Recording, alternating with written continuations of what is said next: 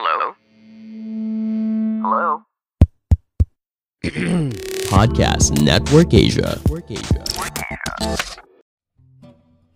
Halo semuanya, selamat datang kembali ke Podcast Minimalis Indonesia. Podcast ini didukung oleh Podcast Network Asia. Untuk mempelajari lebih lanjut tentang podcast lain dan juga networknya, ikuti Podcast Network Asia di media sosial atau kunjungi situs webnya di podcastnetwork.asia. Podcast ini juga didukung oleh Podmetrics, cara termudah memonetisasi podcast kamu. Daftar sekarang gratis di podmetrics.co.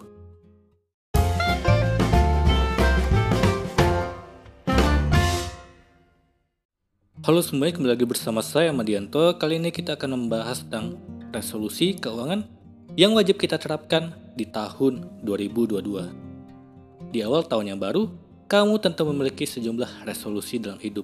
Pada umumnya, hampir semua orang akan melakukan sejumlah perbaikan yang dapat membawa hidup mereka ke arah yang jauh lebih baik dari sebelumnya, dan inilah tujuan dari sebuah resolusi.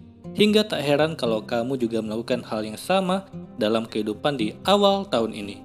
Di antara sejumlah resolusi yang paling sering dilakukan, keuangan menjadi bagian yang tidak kalah pentingnya.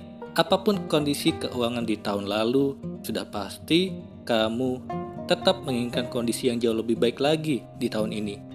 Sebuah resolusi keuangan akan membantu untuk bisa lebih mudah dan lebih efisien dalam mengelola keuangan, sehingga kondisi keuangan akan jauh lebih baik dari tahun-tahun sebelumnya. Bukan hanya itu saja, hal ini juga dapat membantu untuk bisa lebih mudah dalam mencapai berbagai tujuan keuangan yang telah kamu tetapkan di tahun ini. Kamu dapat menerapkan berbagai aturan baru yang dianggap tepat agar semua tujuan keuangan kamu dapat tercapai dengan baik. Lalu, siapkah kamu untuk melakukan resolusi dalam keuangan sekarang? Mulai resolusi keuangan saat ini dengan menyimak resolusi keuangan yang wajib diterapkan tahun ini dalam keuangan. Yang pertama, susun dan jalankan anggaran keuangan.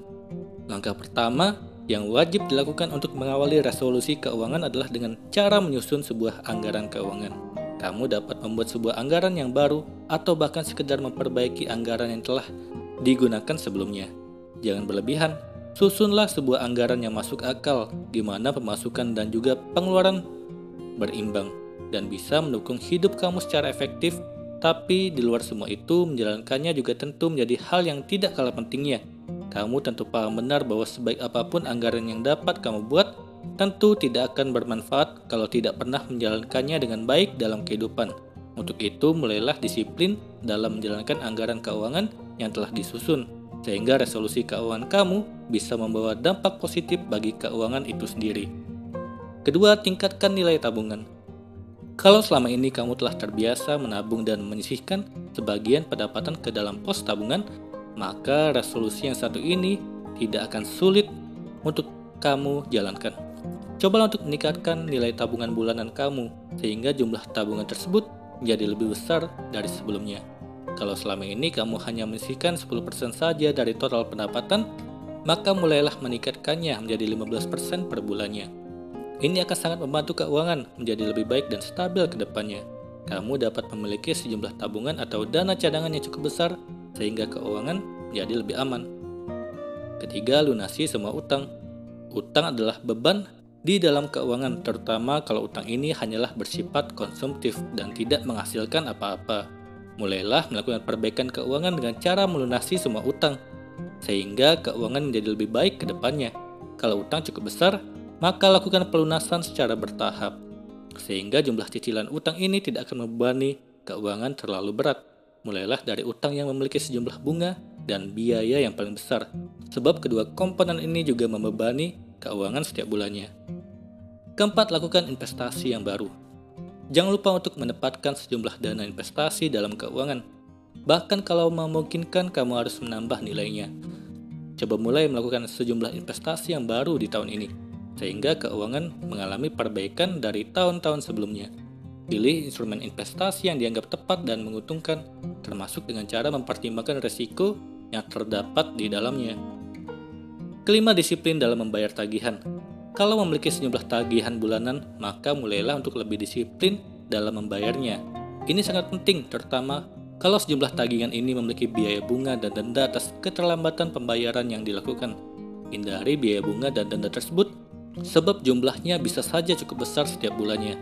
Bayarlah tagihan kamu tepat waktu atau kamu juga bisa memanfaatkan fasilitas auto debit dari rekening tabungan setiap bulannya. Ini akan menghindarkan kamu dari keterlambatan pembayaran. Keenam, belanja dengan cerdas. Belanja rutin bulanan adalah salah satu komponen pengeluaran yang paling besar dalam keuangan. Kalau kamu harus mengelolanya dengan seefektif mungkin, lakukan belanja bulanan dengan cerdas, di mana kamu dapat berhemat dan menyimpan sejumlah uang setiap bulannya. Itulah tadi resolusi keuangan yang wajib diterapkan tahun ini. Semoga ini bermanfaat. Sekian dan terima kasih.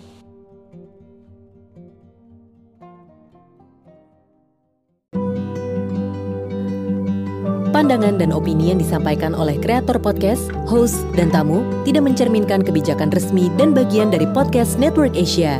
Setiap konten yang disampaikan mereka di dalam podcast adalah opini mereka sendiri dan tidak bermaksud untuk merugikan agama, grup etnik, perkumpulan, organisasi, perusahaan, perorangan, atau siapa pun dan apa pun.